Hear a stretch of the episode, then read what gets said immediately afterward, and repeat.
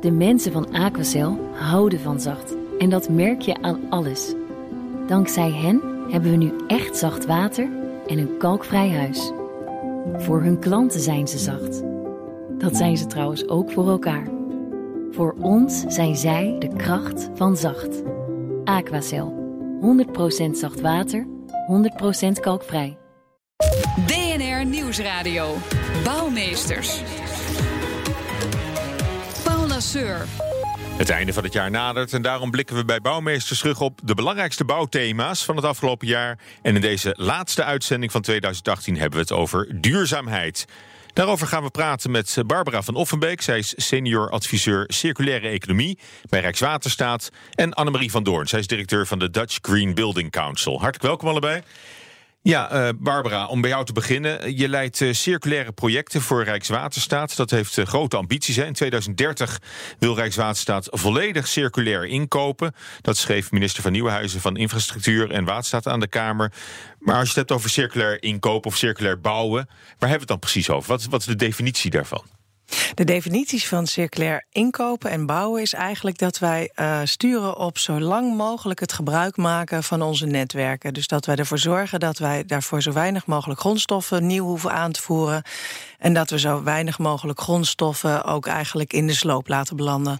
Ja, het, het, gaat dus niet alleen maar om het recyclen van oud bouwmateriaal. Nee, helemaal niet. Dat is eigenlijk een van de laatste stappen die wij uh, ambiëren. We willen eigenlijk veel meer daarvoor kijken van kunnen we niet veel langer met onze kunstwerken, met onze viaducten en bruggen. Uh, uh, doen. En wat kunnen we doen om ze uh, ja, eigenlijk zo, zo lang mogelijk hun levensduur te laten uh, doorlopen? Oké, okay, nou is 2030 nog eventjes weg. Hè? Dan hebben we nog, nog elf jaar de tijd.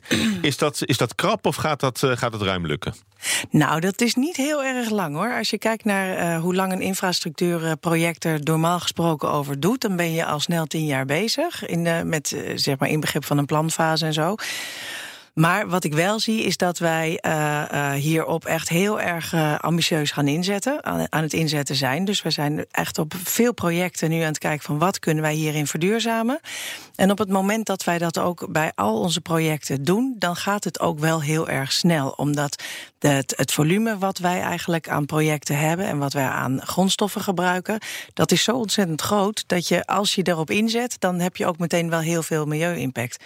Ja. Nou, en dat is wat. Uh, dus ik, ik zie ons zulke, zulke stappen zetten dat we dat in 2030 we moeten er wel hard aan werken, maar ik denk wel dat het gaat lukken. Ja, want Rijkswaterstaat eh, koopt voor 73 eh, miljard euro in eh, per jaar, las ik ergens. Dus dan maak je ook wel direct een, een flinke, flinke impact. Ja, met ons asfalt en ons beton, uh, wat wij daar allemaal aan gebruiken, en andere materialen zoals staal en hout, dat is echt gigantisch veel. Dus dat, is een enorme, dat zijn enorme hoeveelheden. Ja, en een voorbeeld daarvan is bijvoorbeeld ook de, de kustlijn, hè? hoe die versterkt ja, gaat worden. Ja, ja, ja zeker. Dus, uh, maar dat heeft vooral met energiebesparing eigenlijk hm. te maken. Dus het zand wat wij gebruiken voor onze uh, kustversterkingen.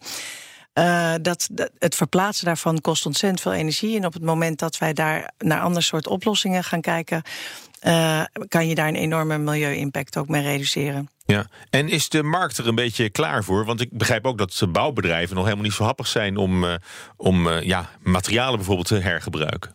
Nee, dat klopt. Nou, laat ik zeggen, of de markt er klaar voor is. Wat we, wel, wat we in ieder geval merken, is dat de markt steeds meer geïnteresseerd is om ons uh, oplossingen aan te bieden. Die wel, zeg maar, uh, zorgvuldiger met materiaalgebruik eigenlijk omgaan.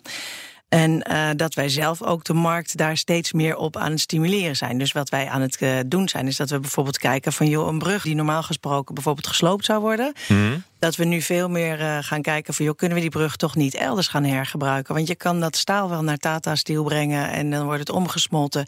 En op zich heb je dan echt wel weer mooi staal.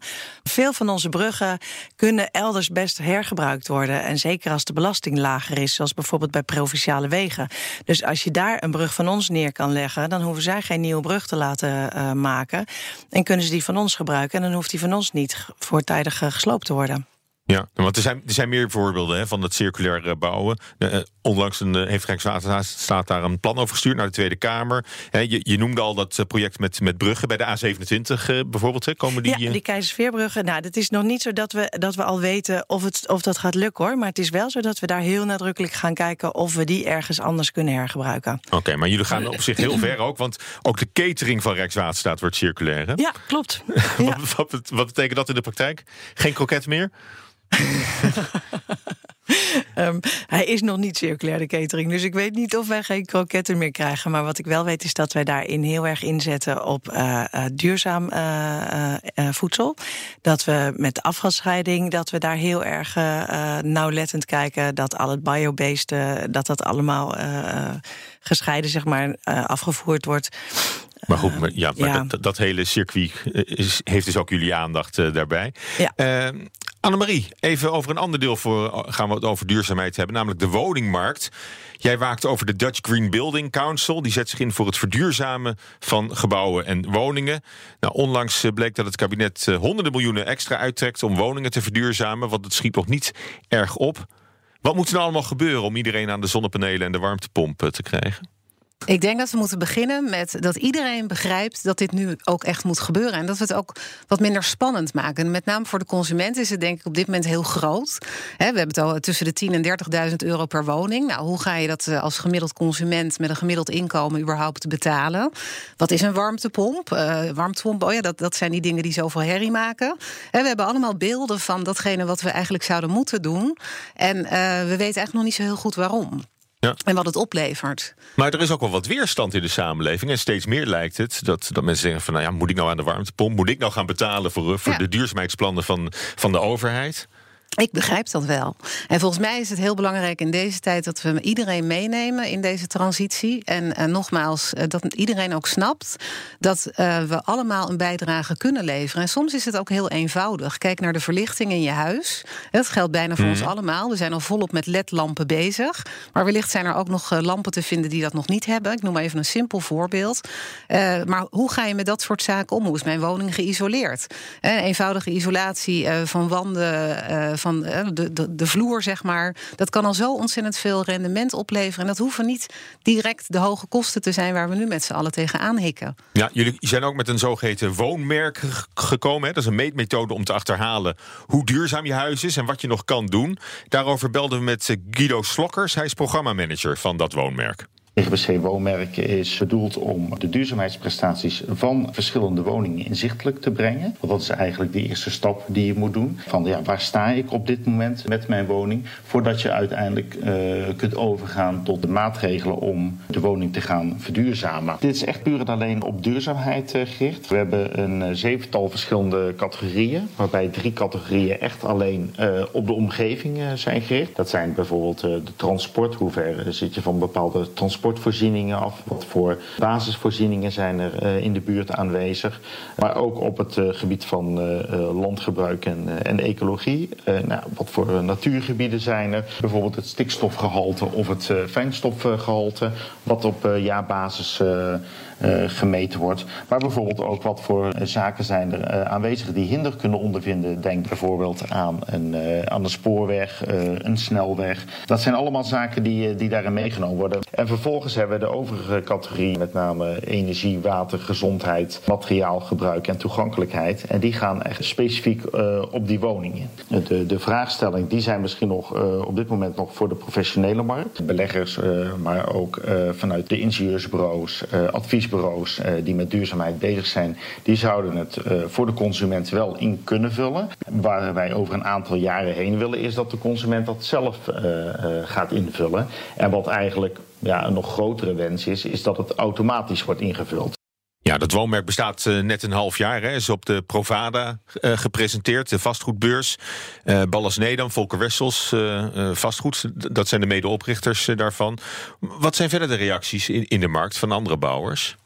Nou, zeer positief. Eh, ASR is er bijvoorbeeld ook volop mee bezig. Uh, het is, dit is eigenlijk ook een instrument, en dat, uh, dat gaf Guido net ook al aan eh, in het interview, dat consumenten zelf inzicht geeft in de duurzaamheid van hun woning. En ook het idee geeft van, nou, wat kan ik doen om meer comfort ook te hebben? Het gaat niet alleen om die energieopgave, maar ook om het comfort dat men kan ervaren.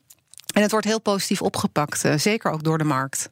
Oké, en nou vertelde uh, Guido Slokkers ook dat jullie in contact zijn met banken voor verduurzaming. Uh, wat, wat, wat kunnen jullie met banken samen doen? Nou, sowieso zijn we tien jaar geleden mede vanuit een bank opgericht. Destijds vanuit de ABN AMRO. Dus banken hebben eigenlijk altijd wel aandacht gehad voor dit onderwerp. Wat voor hen belangrijk is, is natuurlijk in eerste instantie risico. Welk risico neem ik als ik een niet duurzame woning financier? Een niet duurzaam kantoor financier, et cetera. Dus er zit een risico-element aan. Tegelijkertijd zien we ook dat banken in ieder geval... dat zijn we misschien niet altijd gewend... maar dat banken ook redelijk ambitieus zijn... om hun klanten op dit moment te helpen... om daadwerkelijk duurzame stappen te zetten. En dat woonmerk kan daar zeker bij helpen. Ja, betekent dat dat je straks met een woonmerk een voordeliger hypotheek kunt krijgen? Dat zou wel onze ambitie zijn. We zien in ieder geval dat dat uh, gelukt is uh, in de afgelopen tien jaar als het gaat om uh, Brium. voor veel partijen mm. in de bouw- en vastgoedsector wel bekend. Een instrument dat de brede duurzaamheid van gebouwen meetbaar en concreet maakt. Banken zijn daar ook mee bezig. Een Brium-gebouw levert een aantal punten op, zeg maar, waardoor de financiering voordeliger zal zijn. Oké, maar certificering is dus één manier om deze doelen te bereiken. Nou, eigenlijk zien wij zelf certificeren niet als doel op zich. Vind ik wel heel belangrijk om te noemen. Want uh, je, kunt, je ziet, het eigenlijk meer als een handboek. Als je weet wat een duurzaam gebouw is, waar dat aan zou moeten voldoen, zou je ook heel goed kunnen verduurzamen zonder een certificaat. Aan de andere kant is een bewijs hebben van dat het daadwerkelijk duurzaam is wel belangrijk. En zeker als je richting de bank gaat, zullen zij wel iets willen zien van uh, klopt het wel, eh, mevrouw, wat u hier vertelt, dat het heel duurzaam is. Ja, en daar kan uh, Briam en, en dat woonmerk dus uh, prima bij, ja. uh, bij van dienst zijn. ja, hebben jullie zelf eigenlijk nog goede voornemens qua duurzaamheid? hoe, hoe zit het met, met jullie eigen isolatie, elektrisch koken, warmtepompen? Is helemaal voorzien? Nou, dat is een hele leuke vraag. Ik uh, zit in een uh, renovatie van een uh, huis uit 1620. Okay. daar kun je natuurlijk meteen op reageren van nou, duurzaam krijg je het niet. mooi is dat zelfs daar duurzaamheid mogelijk is. En ik wil niet zeggen op ieder gebied. Waar ik in ieder geval wel mee begonnen ben, is nou, de, de vloerisolatie, isolatie van het dak, eigenlijk inductie koken. en eigenlijk zeg ik, omdat dat ook, ik, ik, probeer ook alles circulair en tweedehands in te kopen. Dus dat is me nog niet gelukt. Dus ook daar probeer ik aan mm. te denken. Uh, maar er zijn zeker heel veel zaken mogelijk om ook een pand uit 1620 te verduurzamen. Zeker. Oké, okay, nou ja, ik, ik, heb zelf ook zo'n oud uh, pand. Maar uh, hoe is dat voor jou, Barbara? N ja, redelijk oud pand, redelijk oud pand. Uh, maar daar zitten we al wel twintig jaar in ongeveer. En mijn echtgenoot die is aannemer, dus die is wel heel erg ook bezig met hoe die het allemaal goed kan isoleren. En het materiaal gebruiken, duurzame materialen en zo gebruiken. Dus daarin ja, eh, ons huis die voldoet daar op dat uh, vlak voldoet, eh, er daar wel aan. Oké, prima. Dus hier wel practice what you preach is ook, ook wel een belangrijk uitgangspunt. Als we even terugkijken op 2018, hè, naar duurzaam nieuws uit de afgelopen maanden. de topvrouw van Rijkswaterstaat, Michelle Blom, die riep in vakblad Cobouw dat, dat er niet snel genoeg wordt geïnnoveerd. Is dat iets wat je, wat je ook persoonlijk aantrekt als hij dat zegt? Nou, het is in ieder geval iets wat me heel erg motiveert en inspireert uh, om, om ermee aan de slag te gaan. Want ik zie wel dat zeg maar, we echt innovatie nodig hebben om die verduurzaming uh, door te duwen in de GBW-sector, grondweg- en waterbouwsector. Uh, maar, maar dus, zie je het ook in de praktijk gebeuren? Ja, we, uh, wij, wij gebruiken bijvoorbeeld Dubekalk als instrument om te kijken van wat is de milieu-impact van de uh, nou ja, projecten die wij, die wij uitvoeren. En we zien dat we daarin steeds minder milieu. Wij sturen heel nadrukkelijk op, die, op minder milieu-impact. En we zien dus ook de laatste jaren dat, we die, dat die milieu-impact steeds lager aan het worden is. Dus het helpt wel heel sterk als je zo'n instrument ook richting de markt geeft. Hè? Dus aan de ene kant geven we daarin een soort uh, minimumniveau mee. Van joh, het moet in ieder geval zo, zo duurzaam zijn. En anderzijds stimuleren we ze ook om het nog duurzamer te maken. En, dat, en dan hoe, hoe duurzamer een oplossing is, hoe groter de kans is dat ze het krijgen. En dat zijn wel innovatieve uh, projecten ook. Dat zijn hele innovatieve projecten. Een heel leuk voorbeeld daarvan is bijvoorbeeld het circulaire viaduct... wat we met Van Hattem en Blankenvoort nu uh, aan het bouwen zijn... en met uh, spanbeton. En dat is het eerste circulaire viaduct waarin we echt modulair bouwen. Dus dat is een, een viaduct wat zodanig ontworpen is... dat je het in en uit elkaar kan halen... en dat je onderdelen daarvan kan, makkelijk kan vervangen. Nou, dat zien wij echt wel als een hele belangrijke toekomstige ontwikkeling in onze sector. Dat je onze viaducten en bruggen makkelijker kan verplaatsen of uit kan breiden of, of aanpassen, zeg maar. Nou, op het gebied van uh, duurzaamheid was uh, natuurlijk het uh, klimaatakkoord het, het klapstuk van het jaar. Hè? En na eindeloos vergaderen is er dan nu toch een definitief concept voor dat akkoord. Al zijn de milieuorganisaties er inmiddels uitgestapt. Zijn jullie tevreden over wat daar nu is bereikt? We zijn over een aantal zaken zeker tevreden. Ik snap tegelijkertijd wel waarom milieuorganisaties er uitgestapt zijn.